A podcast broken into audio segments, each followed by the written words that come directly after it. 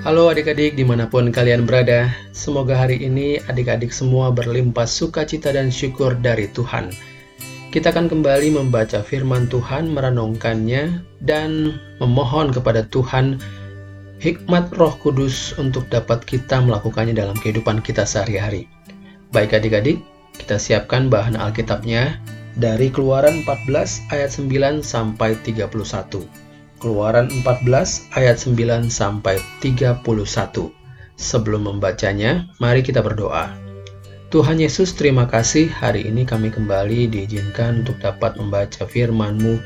Ya Roh Kudus, beri kami hikmat Tuhan untuk dapat kami mengerti isi hatimu melalui firman yang kami baca pada hari ini dan dapat kami praktikkan nanti dalam kehidupan kami sehari-hari. Terima kasih Tuhan dalam nama Yesus Kristus kami sudah berdoa dan mengucap syukur. Amin. Keluaran 14 ayat 9 sampai 31.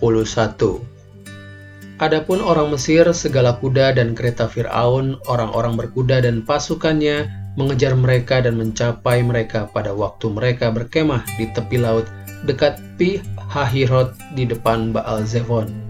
Ketika Firaun telah dekat, orang-orang Israel menoleh, maka tampaklah orang Mesir bergerak menyusul mereka. Lalu sangat ketakutanlah orang Israel dan mereka berseru-seru kepada Tuhan. Dan mereka berkata kepada Musa, Apakah karena tidak ada kuburan di Mesir, maka engkau membawa kami untuk mati di padang gurun ini? Apakah yang kau perbuat ini terhadap kami dengan membawa kami keluar dari Mesir? Bukankah ini telah kami katakan kepadamu di Mesir? Janganlah mengganggu kami dan biarlah kami bekerja pada orang Mesir, sebab lebih baik bagi kami untuk bekerja pada orang Mesir daripada mati di padang gurun ini. Tetapi berkatalah Musa pada bangsa itu, Janganlah takut, berdirilah tetap dan lihatlah keselamatan dari Tuhan yang akan diberikannya hari ini kepadamu. Sebab orang Mesir yang kamu lihat hari ini tidak akan kamu lihat lagi untuk selama-lamanya. Tuhan akan berperang untuk kamu, dan kamu akan diam saja. Berfirmanlah Tuhan kepada Musa, Mengapakah engkau berseru-seru demikian kepadaku? Katakanlah kepada orang Israel supaya mereka berangkat. Dan engkau angkatlah tongkatmu dan ulurkanlah tanganmu ke atas laut dan belahlah airnya. Sehingga orang Israel akan berjalan dari tengah-tengah laut di tempat kering. Tetapi sungguh aku akan mengeraskan hati orang Mesir, sehingga mereka menyusul orang Israel dan terhadap Fir'aun dan seluruh pasukannya, keretanya dan orangnya yang berkuda, aku akan menyatakan kemuliaanku. Maka orang Mesir akan mengetahui bahwa akulah Tuhan, apabila aku memperlihatkan kemuliaanku terhadap Fir'aun, keretanya, dan orangnya yang berkuda. Kemudian bergeraklah malaikat Allah yang tadinya berjalan di depan tentara Israel, lalu berjalan di belakang mereka, dan tiang awan itu bergerak dari depan mereka, lalu berdiri di belakang mereka. Demikianlah tiang itu berdiri di antara tentara orang Mesir dan tentara orang Israel dan oleh karena awan itu menimbulkan kegelapan, maka malam itu lewat, sehingga yang satu tidak dapat mendekati yang lain semalam-malaman itu. Lalu Musa mengulurkan tangannya ke atas laut, dan semalam-malaman itu Tuhan menguapkan air laut dengan perantaran angin timur yang keras, membuat laut itu menjadi tanah kering, dan terbelahlah air itu. Demikianlah orang Israel berjalan dari tengah-tengah laut di tempat kering, sedang di kiri dan kanan mereka air itu sebagai tembok bagi mereka. Orang Mesir mengejar dan menyusul mereka, segala kuda Fir'aun, keretanya, dan orangnya yang berkuda, sampai ke tengah-tengah laut. Dan pada waktu jaga pagi, Tuhan yang di dalam tiang api dan awan itu memandang kepada tentara orang Mesir, lalu dikacaunya tentara orang Mesir itu. Ia membuat roda keretanya berjalan miring dan maju dengan berat, sehingga orang Mesir berkata, Marilah kita lari meninggalkan orang Israel, sebab Tuhanlah yang berperang untuk mereka melawan Mesir. Berfirmanlah Tuhan kepada Musa, Ulurkanlah tanganmu ke atas laut, supaya air berbalik meliputi orang Mesir, meliputi kereta mereka dan orang mereka yang berkuda. Musa mengulurkan tangannya ke atas laut, lalu menjelang pagi berbaliklah air laut ke tempatnya, sedang orang Mesir lari menuju air itu. Demikianlah Tuhan mencampakkan orang Mesir ke tengah-tengah laut. Berbaliklah segala air itu lalu menutupi kereta dan orang berkuda dari seluruh pasukan Firaun yang telah menyusul orang Israel itu ke laut. Seorang pun tidak ada yang tinggal dari mereka. Tetapi orang Israel berjalan di tempat kering dari tengah-tengah laut. sedang di kiri dan kanan mereka air itu sebagai tembok bagi mereka. Demikianlah pada hari itu Tuhan menyelamatkan orang Israel dari tangan orang Mesir. Dan orang Israel melihat orang Mesir mati terhantar di pantai laut.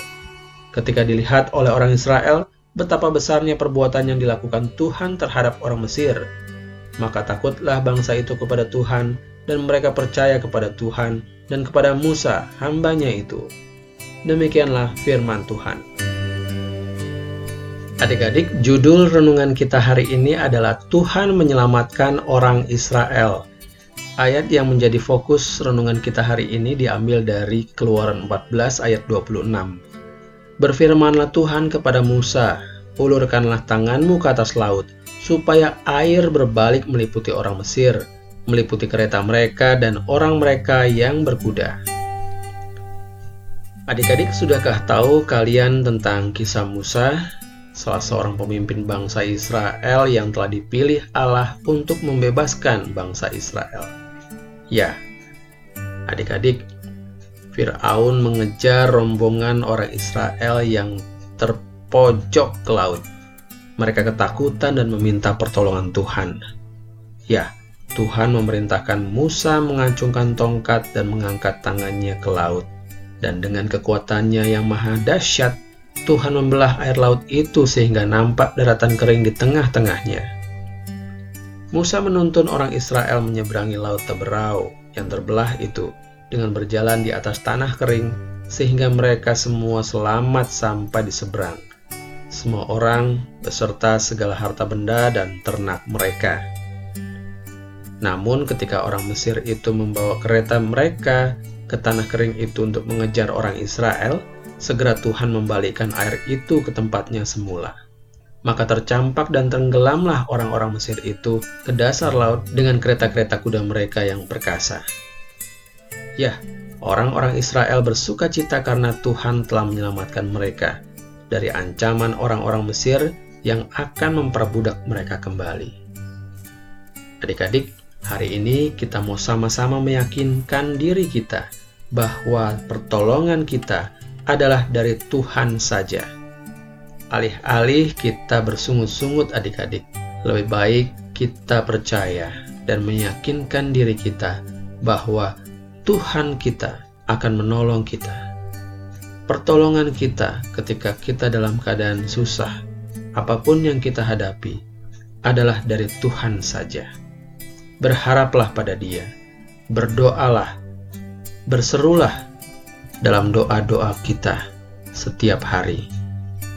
Adik-adik, yuk kita sekali lagi bertekad dalam diri kita, dalam hati kita. Aku meyakini bahwa pertolonganku adalah dari Tuhan saja. Aku meyakini bahwa pertolonganku adalah dari Tuhan saja.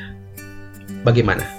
Kalian mau menceritakan kisah Musa ini kepada teman-teman kalian, kepada saudara-saudara kalian, mama, papa, orang lain yang ada di rumah kalian? Ya, ceritakanlah. Dan sama-sama sampaikan bahwa pertolongan yang ada untuk semua umat Tuhan adalah dari Tuhan saja. Mari kita berdoa. Bapa di surga, ajar kami untuk senantiasa hanya berharap pada pertolongan Tuhan Tuhanlah satu-satunya sumber kekuatan dan pertolongan kami. Ajar kami untuk dapat memintanya dalam doa-doa kami, dan percaya Engkau akan menepati janji-janjimu. Dalam namamu Tuhan Yesus Kristus, Juru Selamat kami yang hidup. Amin. Demikian adik-adik renungan kita pada hari ini. Kita mau sama-sama meyakinkan diri kita bahwa pertolongan Tuhan ada buat kita bahwa Tuhan menyelamatkan orang Israel juga akan dan terus memelihara kita sekarang sampai selama-lamanya. Tuhan Yesus memberkati, sampai jumpa besok. Salam.